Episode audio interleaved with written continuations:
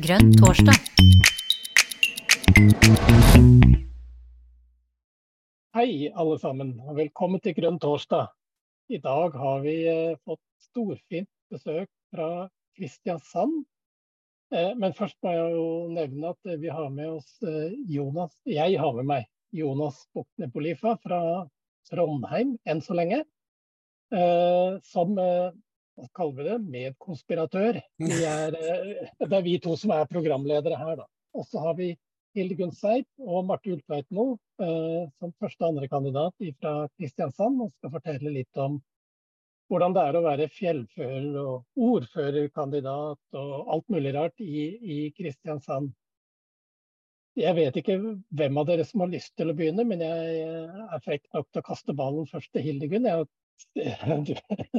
Marte peker den retningen, ja kaste ballen til Hildegunn. fordi Siden du er nummer én på lista, så skal du nå få lov til å starte da, som ordførerkandidat. Det er jo en grei tittel. Ja, litt stas, det. Um, og nå sitter jeg altså her på eh, rett ved sjøen utendørs i Kristiansand. Det var så langt jeg kom i kveld. Um, så håper jeg det ikke er for mye trafikkstøy. Det er jo sånn vi får prøve å gjøre noe med. At her i sentrale strøk så vil vi litt færre biler og litt flere gående og syklende og syngende og dansende i gatene i stedet. Det er jo sånne ting vi jobber med. Men altså, det er, mm, det er jo eh, det har jo vært innholdsrike fire år de siste, denne perioden i Kristiansand. Det er det vel, eh, Hvis en har hørt noe fra lokalpolitikken i Kristiansand andre steder, så har en jo kanskje fått med seg det. Eh, og jeg møter jo mange som, som spør hvordan orker du? Eh, og så sitter altså meg og Marte her og har sagt ja til å stille for en periode til. Og det er jo fordi vi eh, tenker det trengs, eh, tenker jeg. Og fordi det gir fortsatt mening. Vi syns vi har fått til noen ting, og så syns vi at det trengs eh, veldig mye mer grønn politikk her i byen. Så det er jo et sted å, å begynne. Og så er det jo gjerne sånn at det er mye sånn støyen og drama og sånn som både med mange forskjellige partier og lister og utbryter og sånn. Og vi skal kommunen som akkurat er slått sammen, deles opp igjen og alt dette her. Det er jo det som får mye oppmerksomhet da, og mange overskrifter ofte i media. Det er da det kommer flest eh, nasjonale pressefolk og sånn, når, har, når, det skjer sånne ting. Men det er jo veldig mye hverdagspolitikk også, og eh, mye konstruktivt der òg. Det, det, store flertallet av bystyret i Kristiansand syns vi at vi har klart å snakke ganske godt med og samarbeide om, om en god del ting.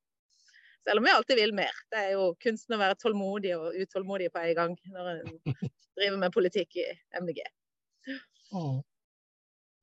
Har du noe mer å legge til, eh, Marte? Vi har masse, eller noen spørsmål da på lager. Jeg er veldig irritert på tittelen på denne sendinga. Kan Kristiansand repareres?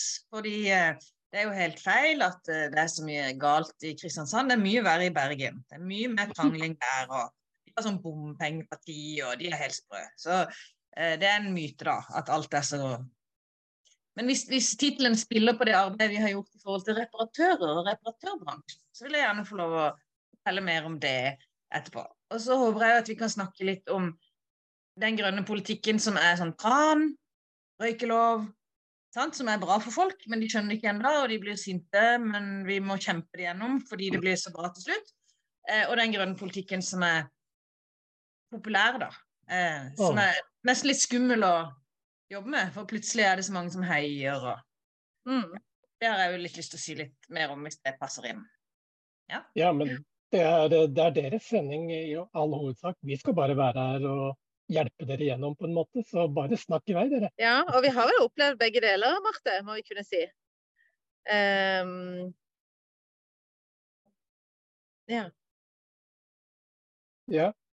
Oi, Nei, ehm, det er jo som Altså det der med å jobbe fra miljøpolitikk, det kan jo noen ganger være veldig upopulært. Eh, og andre ganger overraskende populært, skal jeg på å si. Eh, et eksempel på at vi har fått mye motbør, men samtidig fått til noe, det var jo når vi fikk innført eh, piggdekkavgift. For vi måtte gjøre noe med luftkvaliteten her i Kristiansand, og fikk rapporter på dette her. Og det viste seg at ja, at det, det, mest effektive de hadde å foreslå, da, fagfolka, det var jo å innføre piggdekkavgift. Og vi hadde lav sånn piggfri andel i forhold til andre byer vi godt kan sammenligne oss med, osv. Og, så og ja, sørlandsvintrene er vel ikke de hardeste vi har i landet. Um, så dette jobba vi med. Og så tror jeg det traff litt sånn godt inn i budsjettarbeid, der vi ble litt sånn populære for å ikke bare be om penger, men foreslå et tiltak som faktisk også ga noen penger inn. ikke sant? Altså Forurenser betaler, og en ville da eh, få, få renere luft og få til noe miljømessig, samtidig som det kommer noen penger i felleskassa som en f.eks. kan bruke på gode miljøtiltak, som var argumentasjonen vår. Det fikk vi da gjennom i denne koalisjonen som eh, innsatte Arbeiderpartiordføreren her i byen i sin tid. Eh, men den koalisjonen sprakk jo sånn halvveis i perioden omtrent. Så den piggdekkavgifta ble da Da ble det et flertall mot å fjerne den igjen etter en hadde da funnet system, satt opp skilt, brukt ikke sant? Det, det er jo litt sånn etableringskostnader her òg. Og etter eh, egentlig en stor suksess, fordi at vi var da, Kristiansand var året etter den piggdekkavgifta ble innført, det, det, den byen i landet som hadde størst økning i piggfriandel. Og eh, luftmålingene ble bedre. Men så kom det da et eh, flertall som var sure på dette. her, Og det er jo også sånn som skaper eh, støy, ikke sant? og bilistene må betale osv. Um, og den, det ble da et vedtak om å fjerne den igjen.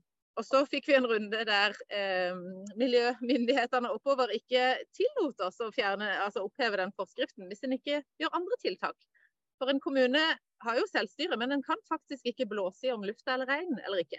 Man er nødt til å gjøre noe med det.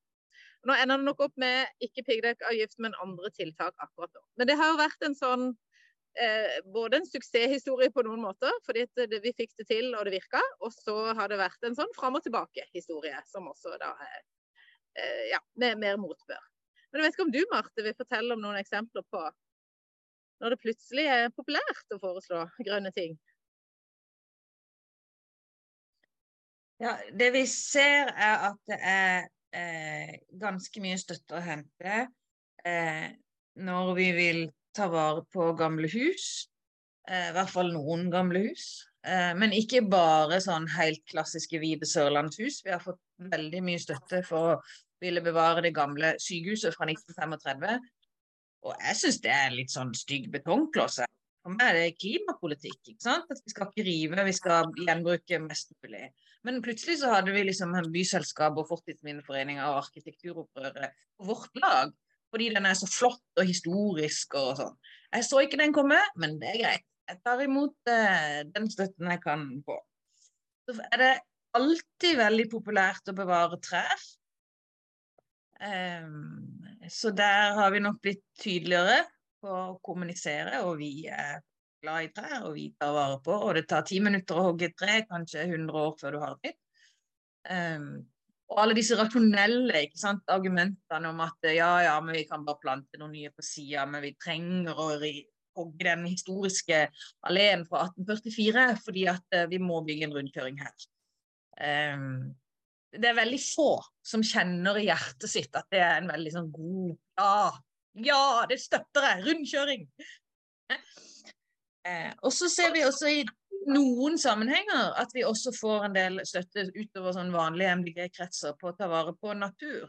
Og det, opp, det opplever jeg som litt nytt, altså. Jeg har sittet snart åtte år i kommunestyret. Og I starten så var det ganske sånn øredøvende tyst. Kanskje et leserinnlegg fra Naturvernforbundet. Når vi sa at ja, men ikke bygge her, ta vare på naturen der og der og der. Men der har det skjedd noe, særlig etter den der FNs eh, eh naturkriserapport. Um, så når vi da uh, gikk ganske hardt ut for å ta vare på Borgeheia, som er et veldig stort område oppe i Tveit, uh, en litt sånn landlig bydel i Kristiansand, nord for Kjevik flyplass, uh, så hagla det inn. Så kom det 59 høringsuttalelser om at MDG har rett, og det kommunale næringsselskapet er dumme som vil ødelegge dette turområdet. Og jeg så ikke helt den komme heller. Sant? Men det, det er jo veldig gøy når vi det er noen ting hvor opinionen har flytta seg litt. Og vi skal være flinkere på å kommunisere. Ja, men det er vi som tar vare på de tingene som alle, nesten alle, veldig mange er så glad i.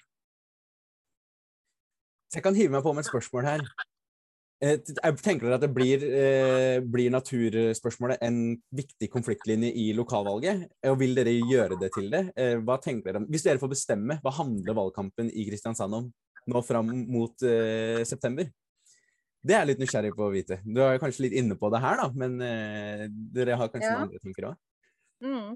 Jeg tror, altså nå, Vi ser jo stadig oftere sånne altså den eh, kampen for å ta vare på natur og matjord for så vidt også, da. Men altså nå har vi jo en, hatt en lang prosess på arealplan eh, som det lenge har vært et mål at dette bystyret skulle vedta.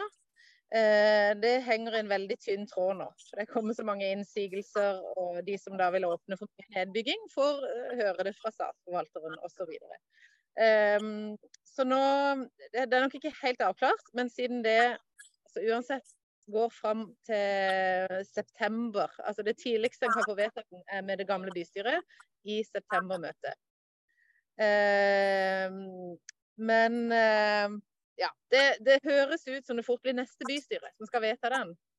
Så jeg tror vi kommer til å snakke mye om det i år. Riktig. Ja, jeg tenker sånn, eh, Hvis vi fikk stemme, så skulle valgkampen handle veldig mye om ikke sant, denne kampanjen til DNP. Naturopplevelser er du redd for å miste? Den konkrete arealplanen her, hvordan kan vi redde Borgeheia og andre områder og sånn. Eh, og så hadde jeg jo òg ønska meg en sånn knallhard eh, diskusjon om, om, næringspolitikk. Og hva skal vi leve etter olja, og hvordan skal vi omstille oss og sånn. Eh, for det, jeg mener at Kristiansand MDG har veldig mange gode svar. Og at f.eks. byggebransjen da henger litt fast i den der Vi må ha nye oppdrag, vi må ha store kontrakter. Vi må bygge noe vei her, og vi må bygge noe stort og flott fordi at det er så mange viktige arbeidsplasser. Eh, og så kommer vi og sier ja, men byggebransjen er jo en veldig viktig reparatørbransje.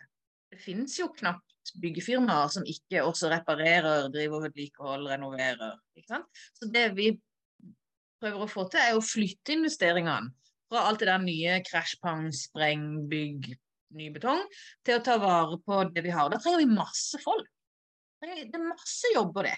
Men litt mindre ikke sant? importert ditt og datt og utstyr og um... Hvis vi kunne fått en sånn diskusjon om eh, på en måte, hvor vi skal hen, og hva slags næringsliv at vi vil skal vokse. Det hadde vært drømmevalgkampen. Altså. Ja. ja. Og så Et annet tema som er oppe mye, og som det er litt sånn spennende hvordan en får liksom vinkla det, det er jo dette med byvekstavtale og altså I overskriftene i avisa heter det, så står det jo gjerne bomstasjoner. Eh, og det er litt sånn som det Marte var inne på i stad. Altså, når får vi til å vise hva vi er for? For der blir det ofte en sånn eh, altså bomstasjoner som blir nei til bil, og så blir vi de slemme. Altså, det blir mye koker i kommentarfelt og sånn. Um, men det vi er for, er jo en bedre by, der en kan sykle og gå trygt. og ta, Bussen går dit du skal, og det er renere luft. og Det, ikke sant? Altså det der å få fram det man er for, da.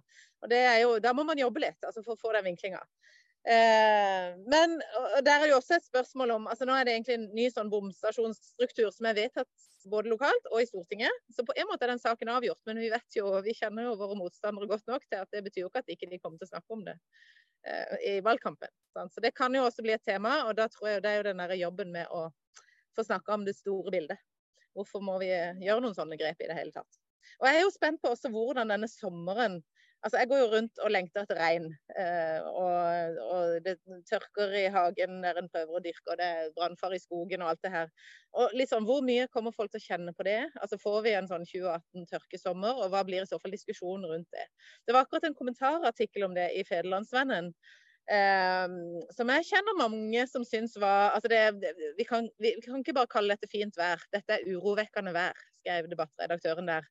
Eh, og jeg kjenner jo mange eh, som er sånn ja, takk for at du løfter det perspektivet. Men kommentarfeltene når Federlandsvennen delte den kommentaren, eh, det var veldig mye ja, bare nå må vi få nyte sola og slutt å tulle og bare Det var syv grader på morgenen her i forrige uke. Altså masse Ja, vi kjenner jo de der som på en måte ikke vil ikke vil se det som, som klimaendringer, da, når den får varmerekorder og alt dette. Så der er jeg jo litt sånn spent på hvor debatten går. Og det blir jo ikke, alle kommer jo ikke til å snakke på samme måte om disse tingene.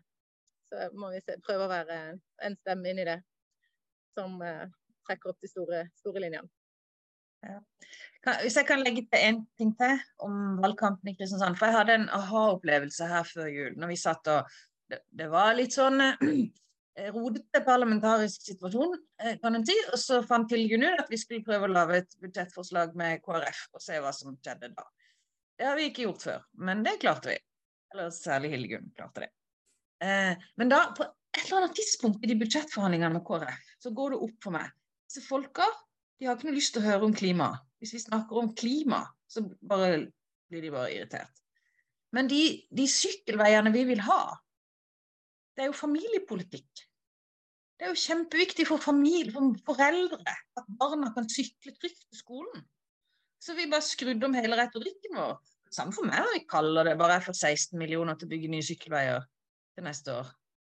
Så, så, det der det der nøkkelordet familie jeg, jeg tror det er andre lag som kanskje har jobba mer i den retninga med familiepolitikk. Vi hadde nettopp eh, to fine seire i bystyret fordi at vi gikk sammen med KrF og det politiske sentrum. Eh, det ene var eh, matservering i barnehagene, som eh, kanskje ikke den viktigste klimajobben, men det er sosial utjevning og rettferdighet. At alle ungene i barnehagen spiser den samme maten og spiser den sammen. Um, og så var det en diskusjon om åpningstidene alle kommunale barnehager i Kristiansand har 9,5 timer åpent i, om dagen. Og så er det en, den barnehagen som ligger liksom lengst unna i den mest bilbaserte bygda, har, har ti timer om dagen. Eh, og da var det masse sånn ja, men foreldrene vil det, og sånn. Og da vant vi den debatten på å si, ja, men er det bra for bar små barn å være i institusjon ti timer om dagen? Vi tror mm. kanskje at ni og en halv time er nok.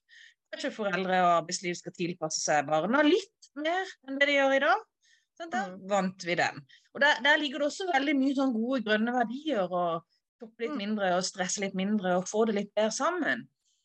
Ja. Eh, som jeg syns er liksom spennende. Sykle litt mer på turer. Som jeg syns er mm. spennende å utforske. Kanskje særlig da i Kristiansand, hvor KrF står så sterkt. Ja, og bare i tråd med det så jobber vi nå med Altså vi, vi um prøver jo stadig å få både bedre og billigere buss, selv om ikke vi har noe sånn eh, kommunekasse som Stavanger har til å eh, dra sånn veldig på med. Men det er ganske trangt økonomisk her. Men der er det da og så sitter vi nå for eksempel, og prøver å få KrF med på bedre familierabatt. ikke sant? Med vekt på familie. Så er det igjen noe med å liksom spille, prøve å spille de andre gode ved å også liksom knytte an til, til, til det, de, eh, det, de, gjerne vektlegger. Sant? Og det samme med Eh, altså KrFs ordførerkandidat var ute og snakka om at klimamålene våre er kanskje altfor høye og urealistiske og sånn, og ville kutte de ned til kutte 30 i stedet for 80 som vi har eh, satt oss som mål til 2030. Um, og da svarte jeg bl.a. at jeg syns hun skulle tenke seg om, for dette handler jo om barna våre og kommende generasjoner og internasjonal solidaritet. Og så bruker en liksom litt, litt språket, da, sånn at de kanskje til andre partier også, sånn at de kanskje skal, skal kjenne litt på det. Så, og jeg vil jo si at vi har klart å være ganske blokkuavhengige her i byen. Men det har jo også vært eh, ja. Men vi kaller det ikke det. Altså det Blokkuavhengig er sånn MDG-ord som ingen knapt noen andre enn statsvitere skjønner. Eh, så i Kristiansand MDG vi er et sentrumsparti. Det er et mye enklere ord å forstå. Eh, å ja, det betyr at de kan forhandle med begge sider. Å ja. Og vi har mm. jobba ganske mye med liksom sentrumspolitikk. Ser oss i det politiske sentrum i ganske mange, mange saker. Jeg, jeg mener det har vært ganske vellykka. Altså. Ja, og av og til kan vi jo bare være, eller snakke om å være samarbeidsvillige. Eller prøve å være de som inviterer til Altså vi, vi har jo jobba med å, å, å liksom etablere grønn blokk. Altså MDG i midten, og så har du Venstre og SV som sånne gode miljøvenner. Og så har vi foreslått en del ting og tenkt at da skal vi prøve å få med både Arbeiderpartiet og Høyre osv. Så, videre. så det er jo både, både, strategi og måten en snakker om det på som eh. Og så har det jo vært eh, altså det, det, har jo vært kaotisk, men det kan jo også gi litt sånn handlingsrom, da. Rett og slett. Så vi har jo fått testa ut samarbeid med ganske mange partier i denne siste perioden. Det er, det er jo superinteressant. Eh, og har, har dere, Var dere med som en del av budsjettflertall de første to åra? Var det det du sa innledningsvis her? Ja, vi var det. Altså, vi var jo med og innsatte Arbeiderpartiordføreren. sammen med, Og vi var nest største parti i den koalisjonen. Og så var det da SV og Senterpartiet og Folkelista og eh, Rødt og en del eh, uavhengige. Ja, så det var en ganske sånn brokete koalisjon. Men det, der var vi med og lagde budsjett de første to årene. Eh, og så det tredje året så visste vi ikke før vi satt i budsjettmøte hvilke budsjett vi fikk. Og det var veldig rotete og ramla ned på høyresidas budsjett med om det var enstemmig overvekt.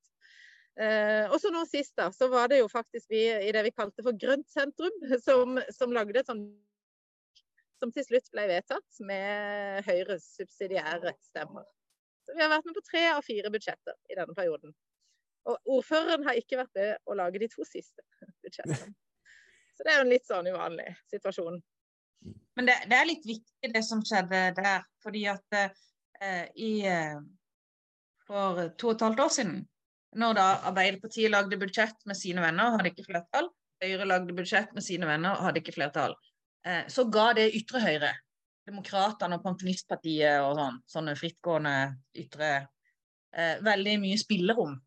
Eh, og begge, både Arbeiderpartiet og Høyre prøvde å tilpasse sine budsjetter til hva de trodde at de kanskje kunne få støtte fra ytre høyre. Men Hildegunn med sin strategi eh, før jul for et halvt år siden eh, knakk jo hele den dynamikken. Eh, og så lagde vi et budsjettforslag i sentrum med KrF, eh, Senterpartiet, MDG og denne folkelista. De, det nå er de en del av dette partiet Sentrum, som stiller i 20 kommuner. Og Vi har visst at vi ikke hadde flertall, men det ga en helt annen dynamikk. Eh, og da, da, ble liksom Ja, skal, hva gjør Høyre da? Går de, støtter de subsidiært? For de hadde sitt eget og enda lavere stemmetall. Går de mot sentrum, eller går de mot Arbeiderpartiet? Uh, uh. Og da var demokratene helt uinteressante. Ingen skrev om de, ingen brydde seg om de. Så den, der, eh, den, muligheten MDG har til å være et sentrumsparti og bryte ut av blokkene, det er også en måte å gi ytre høyre betydelig mindre innflytelse over. Mm, ja. Og så var det jo interessant hvor, eh, hvor stressa både Arbeiderpartiet og Høyre ble, egentlig. At noen satt rundt et bord og lagde budsjett som kanskje kunne bli vedtatt, og de var ikke der. Så det, de måtte jo ha det alvorspratet med da, underveis.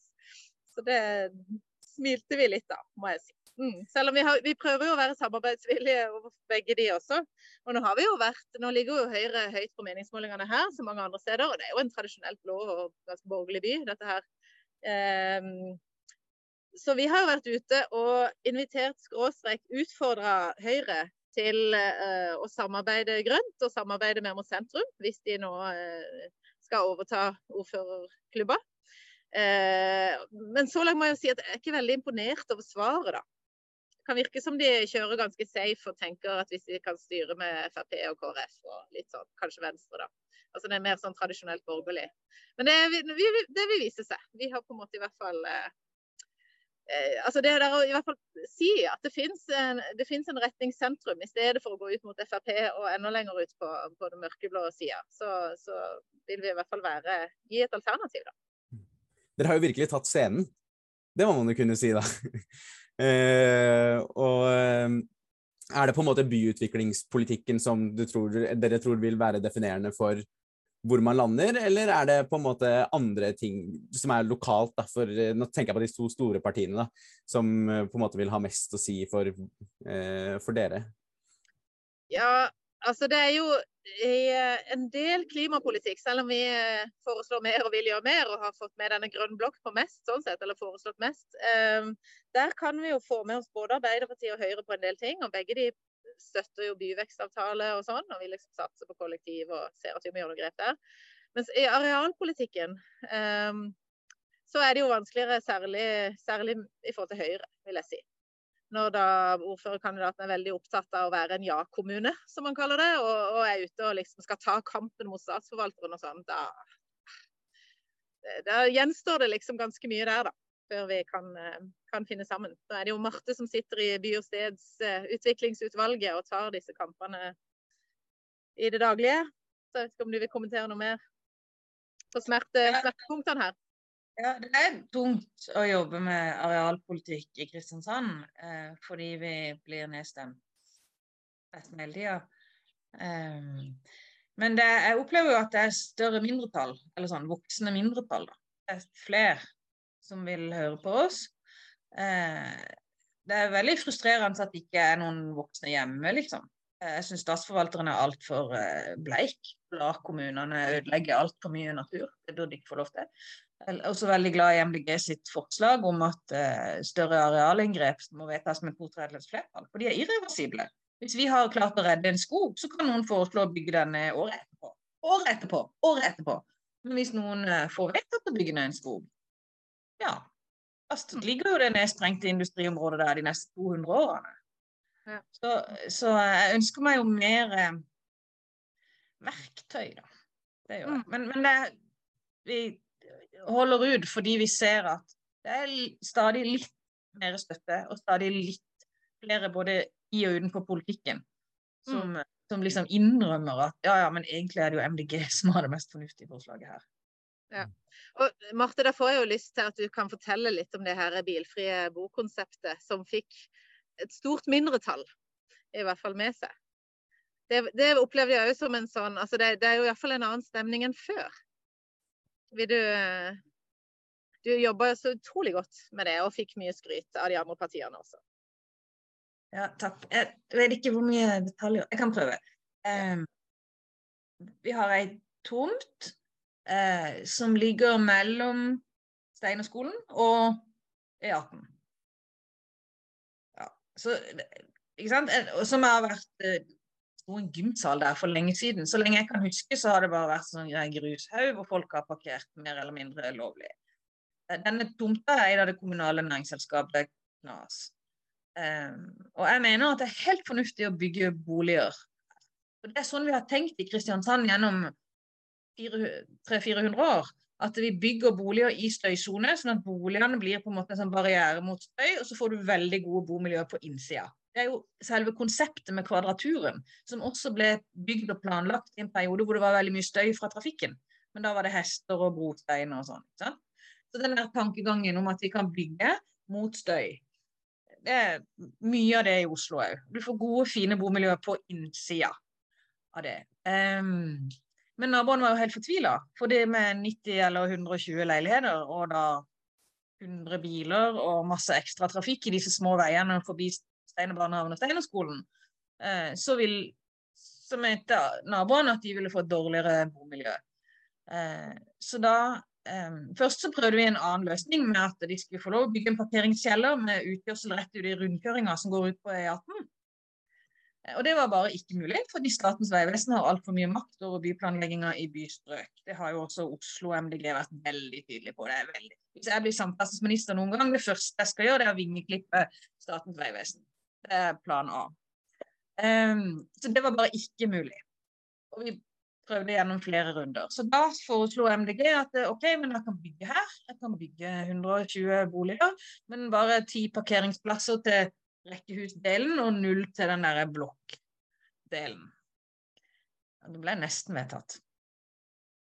Eh, nei da. Flertallet vil ikke tenke nytt. Det vil de jo ikke. Nei, de kunne jo liksom ikke se for seg at en skulle kunne bo et sted nær byen og et busstopp eh, uten bil. Hvor skal du sette bil, da? sto de på talerstolen og sa. Og kunne liksom ikke helt ta inn at det var mulig å endre, eller at kanskje noen unge mennesker i dag kan se altså, ja, nei. Så vi, vi, vi, jobber jo mot noen krefter her. Det er en del motstand mot endring her i byen. Mm. Ja, det, det, bringer meg egentlig litt videre, for du, du har vært inne på det, Hildegunn og, og Marte også, det med Unnskyld det med det, hva skal vi kalle det, det politiske miljøet, og dere klarte å parkere hva skal vi si, ytre høyrekreftene i det siste budsjett. og Det er godt jobba, forresten. Eh, og, og, da bringer det meg til din første reaksjon, Marte, du, om tittelen på denne sendinga. Nei, det er ikke, jeg ikke verken Jonas eller jeg som har satt tittelen, men den er, har en dobbelt bunn. Den, eh, og jeg har vært inne på hjemmesiden deres, og dere har jo en stor, eh, flott plakat om alle steder man kan få reparert ting i, eh, i Kristiansand kommune. Og en eh, ikke så Opptil flere fugler har vel hviska meg i øret at eh, dette er noe du brenner for, Marte? Ja, vi um jeg var gruppeleder i MDG og fikk ganske mye sånn spørsmål. Du, den her er ødelagt. Fins det en skomaker enda, liksom? Vet du om noen kan reparere gitaren sønnen min har? Vet du om så, så, jeg fikk den ideen da, at vi skulle lage en oversikt over reparatører. Um, og da oppdaget vi jo ok, det er en hel bransje. Det er mange bedrifter, det er mange arbeidsplasser. Stort sett alle bedriftene er små og ikke organisert. Ikke, ikke, har de noen fagforening i ryggen, og ikke er de medlem av NHO, for det er så dyrt. og ikke, Kanskje de er medlem av Norges Urmakerforbund, som er en veldig hyggelig organisasjon, men som ikke går på Stortinget og kjemper for oljeskattepakker eller liksom ja, står på krav da, på vegne av hele reparatørbransjen. Eh, så når Kristiansand MDG da, med hjelp fra gode venner og tips på Facebook-sida vår og sånn, sånn, lagde den første oversikten, en, fysisk papirplakat som senere Framtiden i våre hender har bare eh, tatt vår research, eller fått, eh, og lagd en sånn, eh, sånn nettbasert kart, og så utvida det og lagt på bruktbutikker og sånn. Men i starten var det bare denne papirplakaten. Med den minste MDG-logoen vi kunne liksom få plass til nedi hjørnet. Og så tok vi da runder til disse noen og 50 bedriftene og sa sånn ja, vi har lagd denne her. Det er bare for å liksom, gjøre det lettere for folk å finne dere. Eh, du kan jo henge den på do, eller liksom, hvis du vil ha den, så kan du få den. Du kan klippe vekk MDG-logoen hvis du vil. Det er ikke din jobb å din jobb å reparere, ikke å reklamere for et politisk parti. Eh, og tusen takk for den viktige jobben du gjør. Den, den responsen vi da fikk fra en bransje som er liksom underbetalt og undervurdert, og mange av de jobber i garasjer og kjellere uten vindu og liksom sånn. Det har vært veldig gøy, da. Og det har bidratt til at jeg har fått forsterka tro på hele MDGs prosjekt. Um, når jeg ser hvordan folk som er så viktige i det grønne skiftet, ikke hadde tenkt at det de drev med, var miljøvern, før MDG banka på døra. Um, jeg tenker at eh, vi, det er jo vi som vinner, og våre ideer som vinner. Eh, det er bare en veldig lang vei å gå. Altså. Så spør jeg de sånn Ja, har du, har du klimaregnskap? Ah, ah, ah. Nei, det har de ikke. Jeg har Statoil ikke sant? og Ikea og sånn. Men eh, reparatørene Ja, hvor mange sko har du reparert? Aner ikke. Jeg går på jobb hver dag og fikser sko. Det er det jeg gjør, det er det jeg kan. Det, det, er, så, det er, så, smått, men, men, samtidig er det så mye gode historier og Eh, så mye viktige jobber og så mye kompetansearbeidsplasser som, som egentlig ingen er mot. Sant? Jeg har aldri hørt en eneste Frp-er si nå går vi til valg på å legge ned alle skomakere. Det er så mye positivt rundt disse her folka, og samtidig er de så oversett og, og, eh, og underbetalt. Jeg starta også den bloggen som heter 'Reparatørene kommer.no. Jeg intervjuer en del reparatører forskjellige steder, bare for å få fram hvor viktig del av næringslivet disse her er. En, en, god del av de er jo også, driver også mye sånn business to business. Sant? At eh, eh han eh, skredderen ute i den bilbaserte Sørlandsparken, han har jo lav husleie ute i den bilbaserte Sørlandsparken. Fordi klesbutikkene i Sørlandsparken gikk til ledelsen og sa vi, vi trenger en skredder her. Sant? De som selger ikke de billigste klærne, som blir brukt to ganger og hivd, de som selger kvalitetsklær, de skjønte at de mangla reparatørkompetanse, og sørga for å bringe den inn. på det, og det, er også ganske mange sånne historier om hvordan eh, næringslivet har blitt flinkere til å bruke reparatørkompetansen. Ja. ja. Og det, altså, her har jo Marte gjort et helt fantastisk grunnarbeid og fortsetter med det, og med gode venner, og som hun sier. Men, eh, men, det er jo også gøy når dette da begynner å Altså, hun har jobba med det, og vi snakker om dette, har gjort det over tid, nå. og så begynner det liksom å Da, da begynner vi å få noen vedtak også på dette her, Marte. Sant? Vi har fått inn i næringsstrategien for um, for Kristiansand at vi skal bli Hva står det der? Sånn, altså, vi vil jo ha et sånn reparasjons, sånn knutepunkt, næringsklynge på det også. Eh, og så må det jo følges opp, ikke sant. Men vi har fått, fått, noen sånne gjennomslag. Og nå nettopp noe om at en skal i innkjøp i kommunen da, eh, inngå rammeavtaler for eh, brukte varer og for reparasjon. Eh, og ikke bare for gammel vane kjøpe nytt og kaste. Så eh, vi, vi, jobber det inn. Prøver å ta alt det her som da Marte har eh, ja, lagt grunnmuren for. Og så, og så, begynner en jo å liksom altså Både når en har snakka om det en stund, og en kan begynne å henge det på knaggen sirkulær økonomi. Sant? Da er jo da nikker Høyre, og da sier ikke sant, fagfolka òg det, vi, det er jo dit vi skal. Eh, og det er jo det vi har snakka om, og når Martha har banka på hos skomakere og skreddere, og det er jo sirkulær økonomi. Men det med at kommunen skal nå inngå rammeavtale for reparasjon, det kaller jeg bare Lex Hildegunn. Fordi den ideen kom jo når Hildegunn med et uhell knuste skjermen på sin kommunale eh, iPad, som vi den gang var helt avhengig av for å kunne stemme og tegne oss i bystyret. Nå har vi en bedre digital løsning hvor jeg kan logge meg inn på min egen PC.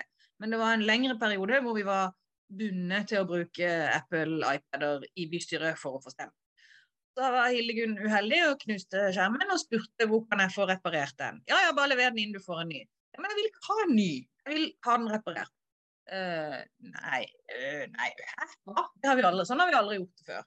Og så måtte Hildegunn gå og liksom mase og klage, og til slutt så var det vår veldig fantastiske, vidunderlige, kloke formannskapssekretær. Anne Lise Holand Aabø, som bare skar igjennom og sa vet du hva, du tar den med til en reparatør, du får bytta skjermen, du får kvittering, og så bare legger du det inn i det der skjemaet for refusjon av bussbilletter og sånn som vi bruker. Så vi bare løser det. Men det viser jo hvor utrolig kort vi har kommet.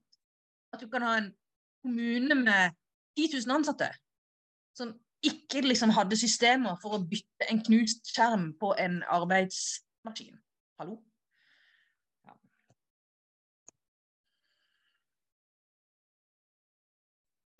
Eh, det er fantastisk. Jeg, jeg, koser meg å sitte og høre på dere. Men, og, og, det er nesten umulig å stoppe dere også. og det er veldig bra. Eh, bare før, vi, før, jeg hopper videre, jeg har mer jeg kan spørre om, jeg, men jeg lurer også på om Oda, og Jan Christian og Jens. Hvis dere har noe dere lurer på, det er bare å løfte hånda, enten å bruke den reactions her nede, eller bare løfte hånda sånn og vink. Så det er ikke flere enn at jeg ser dere. Så, så får dere ordet, altså.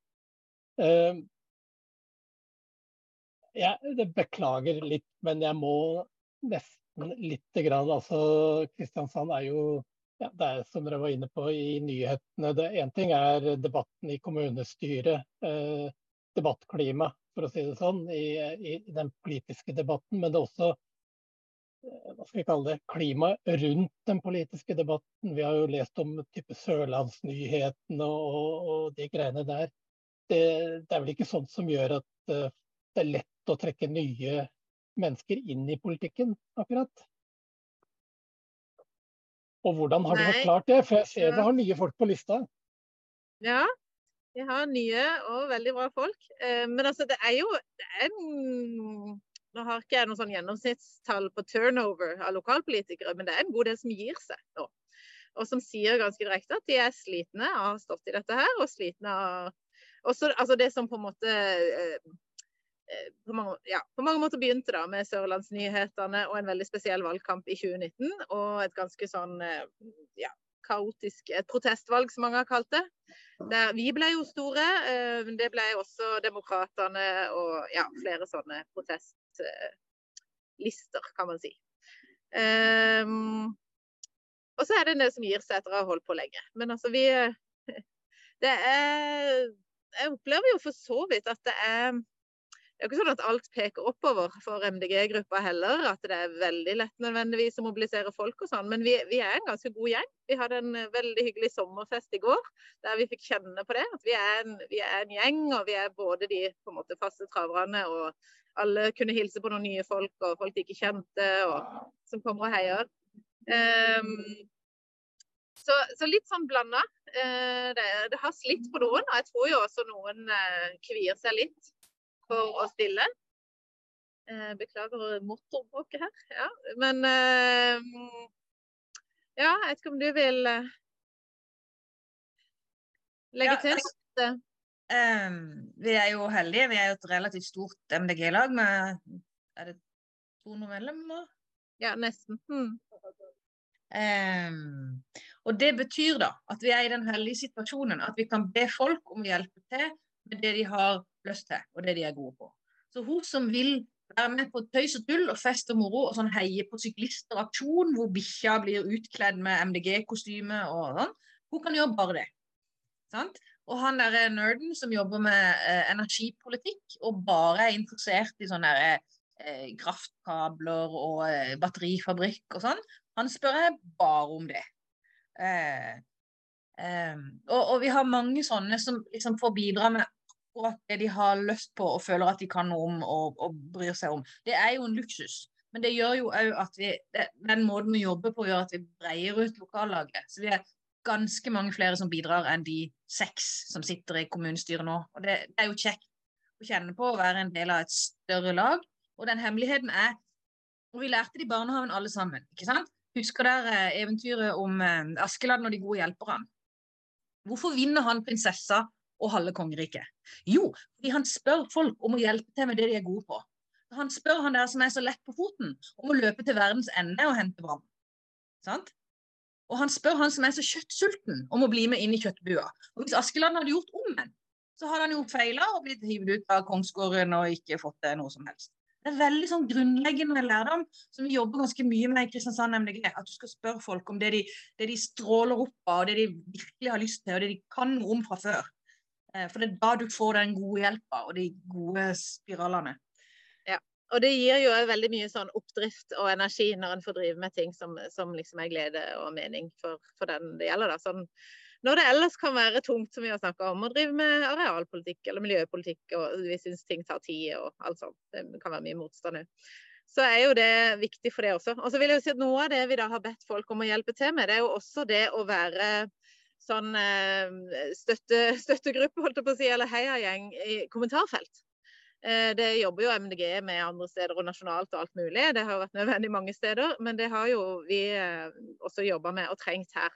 Fordi at Det er jo, altså det har vært mange diskusjoner, sånn som Sørlandsnyhetene da, som nå er vekk til live igjen. det er liksom Hvor mye skal man gå inn og følge med og sånn. Altså jo, det er jo noe med hvor mye oppmerksomhet en skal gi det, eller skal en motsi hvis det framstilles feilaktige ting der. Men hvis det har ramma noen av våre, så har vi jobba hardt for at da skal det være en gjeng der. Da skal det ikke være den som i så fall blir utsatt for, eller det blir påstått noe om, som må forsvare seg sjøl, men da skal andre gå inn og være den der uh, støttegjengen eller forklare, altså oppklare ting, komme med saklig tilsvar. Uh, gjerne også på tvers av partier, vil jeg si. Det har vært uh, viktig her i, her i Kristiansand.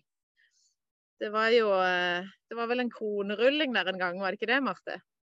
for en eh, Arbeiderpartipolitiker som hadde vært på Utøya, og som ble eh, utsatt for skikkelig ugreie ting i forhold til ja, ryktespredning og usannheter og sånn, og som da Jeg lurer på om det var sånn beskyldt for å dra Utøya-kortet og så videre. Men da starta Marte en Da var det sånn Hva om vi bare gir noen penger til, til demokratiprosjektet på Utøya, og så viser vi vår støtte. Altså viser, så, det, så den, den, typen tverrpolitisk, liksom igjen da å være motkrefter til de der eh, splittende kreftene. Det, det har vi jo mm. også trengt å jobbe med. Mm. Det er den andre, det er fint du sier Hillingen, for det er den andre sida av hets og sjikane og tøys og tull og løgn. Men, men på en måte Motsvaret på det er jo at de politikerne som er i politikken fordi de vil gjøre noe bra for samfunnet, blir mm. flinkere til å støtte opp om hverandre og heie på hverandre og, og samarbeide bedre. Nå har Hildegunn en sånn egen liksom, prosjekt på sin politikerprofil på Facebook med fredagsframsnakk. Det syns jeg er så fint. Eh, og det er det vel stort sett bare folk i andre partier. Liksom løfte, vise. Vi vil forskjellige ting, men vi kommer fra et godt sted, vi vil noe bra for byen. Eh, la oss samarbeide og la oss ta hverandre i beste mening. Og en del av det er en effekt av mye av det dumme og kjipe som har skjedd. Mm. Mm. Det er bra at vi altså, de riktige motkreftene også, også samler seg og, og, står sammen og, og virker, virker, godt. Oda lurer på en sak her. Hun har skrevet i chatten. Hva gleder dere dere mest til med valgkamp? For Det er jo kanskje allerede i gang, selvfølgelig, men lange, men den korte valgkampen, hvis vi kan begynne med den, fra august og utover? Jeg gleder meg til det er over. Jeg syns valgkamp er veldig mye kaos. Eh, jeg, men jeg trives med det der jevne politiske arbeidet. Den der eh, håndverket. Og det er jo fire år, mens valgkamp er noen måneder. Så jeg gleder meg til det er over. Mm. Ja, eh, og jeg kan forstå det. Og så eh, det er jo noen ting altså Valgkamp er kaos og det er slitsomt. Eh, men det er jo både det der å kjenne når en er et lag, ikke sant. Å få være ute og heie på syklister, eller, eller en står i en debatt om eh, marint liv og om havet, og så bare får en faglig innledning. Og så er det sånn Ja, dette har vi i programmet vårt. Her har vi de beste svarene. Altså, det, er sånn, eh, det, det, det, er jo noen sånne gode øyeblikk, da. Og så sitter fagfolka og nikker og, og, skjønner at dette har vi jobba med lenge. Og sier ikke som de andre partiene som er sånn Oi, dette var helt nytt for meg. Jeg trodde, altså sånn. Eh, så det er jo noen sånne Og så det der å være ute og altså, Jeg liker å være ute og møte folk og prate med folk òg, da. Så det, det kan jo komme godt med i en valgkamp. Så, eh, også, okay, ja, hva sa du? Jeg gleder meg til Hillegunn skal lansere valgkamplåter som hun har komponert og dikta sjøl. Det gleder jeg meg til. Ja. ja. Får vi en halv strofe her i kveld, eller? jeg tror ikke jeg har en klar nå, men den eh, kommer snart til en spiller nær dere. Ja. Men det er veldig gøy da når folk blir med i allsangen der. Og det er jo noe, Vi har egentlig bestemt oss for det, apropos sånn motkrefter. Når det blir mye kaos og eh, fokus ikke alltid på det vi vil osv., det vet vi jo. eh, da, da, kan vi dra opp den sangen, og så kan vi synge og danse og huske at vi er vi er et fellesskap som vil noe bra sammen, og det er det jo alltid, alltid sånn håp å finne i. Mm. Hva, hva, tenker dere om deres egen uh, rolle da, som toppkandidater, på en måte, for å, for å skape den her uh, lagfølelsen? da? Dere har jo vært uh, inne på at det er noe av det som er artigst med valgkamp. Hvordan ser dere på og så fikk jeg også litt inntrykk i stad når dere snakka om det her å bruke folk til det de er gode til og det de har lyst til. ikke sant? Så uh, sitter jo jeg nå med da av at uh, valgkampen til uh, Kristiansand MDG den drives nedenfra. ikke sant? Uh, og er på en måte Det er det folk har lyst til å gjøre, som definerer hvordan valgkampen blir. Men så lurer jeg på, hva tenker dere om deres egen rolle som toppkandidater i uh, det å skape engasjement og, ja, og i fronte, um, fronte partiet, da? Og løsningene, ikke minst. Ja, tenker vi så mye på oss sjøl som på toppen, liksom. Eller liksom altså vi, denne allsangmetaforen syns jeg egentlig er litt god. For jeg tror både meg og Marte trives veldig godt når det liksom er mange som synger med. Altså det å få til det. Eh, men, det, det, men der har vi jo også et ansvar, altså et sånn type lederansvar. ikke sant? Med å invitere med og åpne opp for ideer og, og, og sånn. Men det, ja. Eh, så jeg hadde en, en, for eksempel nå som vi hadde sommerfest, det der med å ta en, ta en, runde og invitere alle de som faktisk har sagt ja til å stå på liste for oss. Det er ca. 50 flotte folk som eh, har veldig varierende grad av hvor liksom aktive og frampå og synlige de er. og sånn. Men at alle da skulle få en melding, et spørsmål, eller at jeg ringte de, eller traff de og, og sa du det hadde vært veldig hyggelig om akkurat du kom på sommerfesten. Eh, sånn tar jo litt tid. Eh, så er jo, tid er jo et knapt gode i valgkamp. Men eh, det var også veldig mange sånne hyggelige utvekslinger. Eh, og en del som kom, og en, en del andre som, som, på en måte heier eller meldte tilbake, eller skulle på dugnad eller korpsavslutninger. liksom, hadde andre ting. Og sånn er det jo for mange. Eh, men det å ta de rundene Jeg sitter egentlig nesten alltid igjen etterpå og tenker ja, vi må jo altså ta den jobben med å bygge lag underveis. Hvis jeg kan bare supplere litt kort. Eh, tenker at første og andre kandidaten har hovedansvar for liksom, pressejobbinga og alle debattene, som er veldig mye i en såpass stor by som Kristiansand. Um, og så har vi et hovedansvar for å være veldig tydelige på hva vi trenger at folk hjelper til med. Uh, kan du komme da? For jeg trenger hjelp da. Uh, og så har vi også et hovedansvar for å takke for innsatsen. Og frivillig sektor, som partier også er en del av, da, uh, er jo notorisk dårlige på dette med å takke. Det er jo helt tilfeldig. Eh, jeg har møtt mange som har vært kasserer i lokallag i ti år og aldri fått en takk. Så eh, Jeg sier ikke at vi er perfekte der heller, men det var litt rørende seanse på sommerfesten i går. Hvor styreleder sto og delte ut som gavekort på Kilden og gavekort på restaurant, og den og den og takk og så. Ja, da tenkte jeg det er Kristiansand MDG. Det er sånn vi driver med, altså. Heller takke litt for mye. Heller bare ta i litt ekstra. Det er altfor lite takking i denne bransjen her.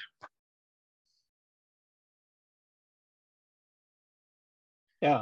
Uh, vi begynner å nærme oss uh, klokka ni uh, da vi skal avslutte. Men altså, vi har så vidt snakka om hva dere gleder dere til i valgkampen. Men hva er, hva er de toppsakene? For det er jo viktig, som dere Én ting er hva som står i programmet, men uh, som regel når man står og skal snakke med noen på gata, så hva er det, det folk er mest opptatt av, eller hva er det dere er mest opptatt av å få formidlet? Hvilke saker er det som er akkurat nå, da. Dette vet jeg det kommer til å endre seg. Den 14. august så skjer det et eller annet, ikke sant. Og så er det noe helt annet som er i nyhetsbildet. Men, men hva er det dere har planlagt? Ja, altså når jeg har stått, stått i Markens til nå, så tenker jeg at det både materielle og altså når vi har med oss ting å dele ut, eller har noe på, sant, som folk kan komme og se på og diskutere med oss og sånn, så tror jeg at det, det vi har kanskje har fått satt i gang flest gode samtaler med, det er natur og og buss. Altså da, og da står vi med nasjonalt reisekort, eller altså her på Agder ville vi ha månedskort for alle til 499, hele Agder. Eh, som vi har jobba sammen med Oda og fylket på. Eh, altså at Det er sånne på en måte gladsaker og ting som mange kan liksom dele engasjementet over. Og så Av og til deler vi ut frø og hyggelige ting. og sånn. Men, men, det kommer jo også de bort som har et eller annet inntrykk av politikken vår, og som vil fortelle oss at eh, ja, hvorfor eh, hater dere biler og sånn. Men eh, ja, og så hadde vi noen som var lurt på dette med rusreform og ruspolitikken. Vi har også fått med oss et flertall på lokal rusreform her i Kristiansand. Eh, og Hildegunn ja, har fått med flertall på. Ja. det, men, men, men, der er det jo da Da fikk vi en ganske god prat om hvordan skal vi da fange opp ungdommen, og hva er god forebygging, og hvem skal være der og se. Og, altså Få det over på det, da, og ikke bare den derre ja, det, blir det fritt fram, da? Skal alle, altså, sant, som, som, også kan bli litt sånn svart-hvitt hvis en først bekymrer seg for det.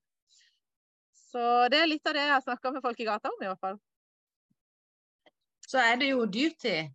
Folk er jo veldig opptatt av strømprisen og matprisen og renta og sånn. Eh, og jeg tror nok at en del av de der veldig sinna reaksjonene på god grønn politikk, bompenger og piggdekkavgift og sånn, stammer fra det stedet der. Alt blir dyrere, hvordan skal jeg klare meg? Har ikke råd til å kjøpe mat til ungene mine til neste år. Liksom. Den, der, den angstfølelsen. Eh, og der har MDG vi har den beste politikken. Vi har så mye gode løsninger. Vi har den beste strømstøtteordninga, som er rettferdig og sparer natur og gjør at det lønner seg å spare strømmen. Eh, vi har mm. masse gode svar om billigere buss og satsing på biblioteket og fellesskapsløsninger og friområder og alt det som ikke koster penger og er, hvor alle er invitert. Vi har de beste, men, men det, krever, det, krever litt mer resonnering og forklaring enn bare sånn ja, vi sier nei til bompenger, vi, så sparer du den utgiften. Mm. Det er litt lengre tankerekker. Det er litt mer forklaring. Um, det, syns jeg er vanskelig, men ikke umulig. Mm. Jeg, håper, jeg har hatt noen sånne samtaler. og håper, Det er jo det som er altså, enda gøyere enn altså, Det må jo være så kort i debatter, og det blir de der slagordene og sånn. Men hvis du får snakka med noen litt i gata der, så, eh, eller på dørbank, eller hva det er. Så, eh, eller i skogen. Da kan en jo av og til få dra de resonnementene, og, og, det kan bli ganske gode samtaler. Altså. Så da har, vi, da har vi god politikk, og da kan, eh, kan, vi høre på hva folk er opptatt av og bekymra for, og så prøve å møte det med noe håp. Mm. Gleder du deg, Hildegunn, til at du står, eh, kommer bilde av deg på forsida den tirsdagen etter valget som dette Kristiansands nye ordfører? jeg tror jeg skulle takla det iallfall, hvis jeg kom dit. Det, det får en jo, jo, gjøre, men Ja, tenk, tenk, om den grønne vinden eh, ja, skyller innover Kristiansand. Det hadde vært veldig gøy. Mm. ja, vi er flere som jobber for det. Altså, både på lokalt og, og, nasjonalt nivå. Så dere får jo den drahjelpa dere trenger, håper jeg. Eh, dere er jo altså rett nasjonalt, dere er jo da såkalt vi har ikke vært innom det, men såkalt fjellførerlag her. og Det betyr jo en del dra, drahjelp også fra nasjonalt, så vidt jeg har forstått. Ja, har du merka, har... noe til denne, eller? Vi har hatt eh, Ingrid, nestleder, og Nils, kommunikasjonssjef, eh, på besøk her. og hadde en dag vi jobba sammen. Og eh, så har vi jo hatt en del Ja, kan ringe og zoomes og følges opp. Så skjønner vi at de også er travle.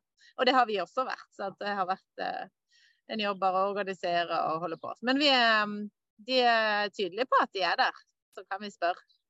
Så der blir det sånn som Marte sa i stad, det der med å huske og, og liksom, eller å klare hodet nok over vannet til å invitere inn hjelp. Både sånne gode hjelpere her, og, og til å be om noen tips og råd og drahjelp fra, som fjellførerlag. Mm. Bra. Jeg tror vi begynner å runde av. Jeg, jeg har, tiden har flydd veldig fort. Jeg har kost meg voldsomt. Og det har ikke vært vanskelig i det hele tatt å være programvert her sånn. Eh, dette har dere kunnet klart helt alene. Eh, ja, spesielt En ting er politikk, og ja, får vi utsikt over sjøen og En ting er politikk og alt sånt, men det jeg merker meg mest, er jo dere to som hvor flinke dere er til å rose hverandre og dra hverandre opp. Og gjøre hverandre, profilere hverandre og gjøre hverandre sterke. Eh, det er jo sånn man vinner eh, både stemmer og valg og gode venner.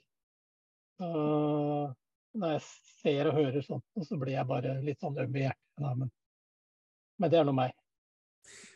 Det er ikke bare deg, Anders. Det er ikke bare deg, Anders. Jeg har jo bodd i Kristiansand og får lyst til å flytte tilbake igjen etter å ha hørt, etter, etter, etter, etter å ha hørt på det her. Mm.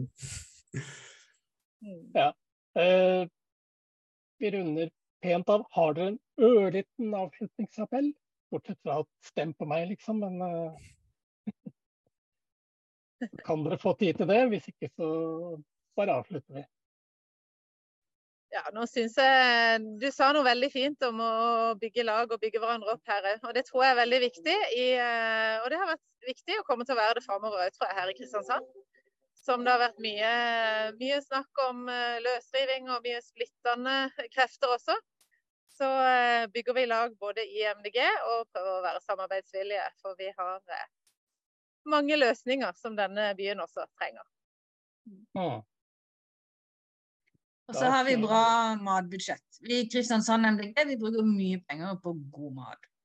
Og det kan være økologisk og vegansk og, eller syrisk eh, et eller mm. suppe eller ikke sant. Men at eh, når vi først inviterer, så er det stort sett alltid noe godt. Og det er en helt bevisst prioritering. Ja. Vi møtes rundt maten, og alle får, og alle får være med i samtalen. Mm. Kjempefint. Da runder jeg av med å si tusen takk til eh, Hildegunn og Marte fra Kristiansand MDG. Om en uke så har vi sending igjen, og da er det nok et fjellførerlag som skal ved ilden. Det er de som sitter i Bodø. Eh, jeg så da Oda logga seg på at der sto det Nordland MDG, så endra navn. Men eh, det er kanskje en grunn til at du er her i dag. Men vi gleder oss til det også. Og da sier jeg bare tusen takk til alle seerne og ha en god og varm ikke for varm, da. Ta med litt regn også. Eh, landet.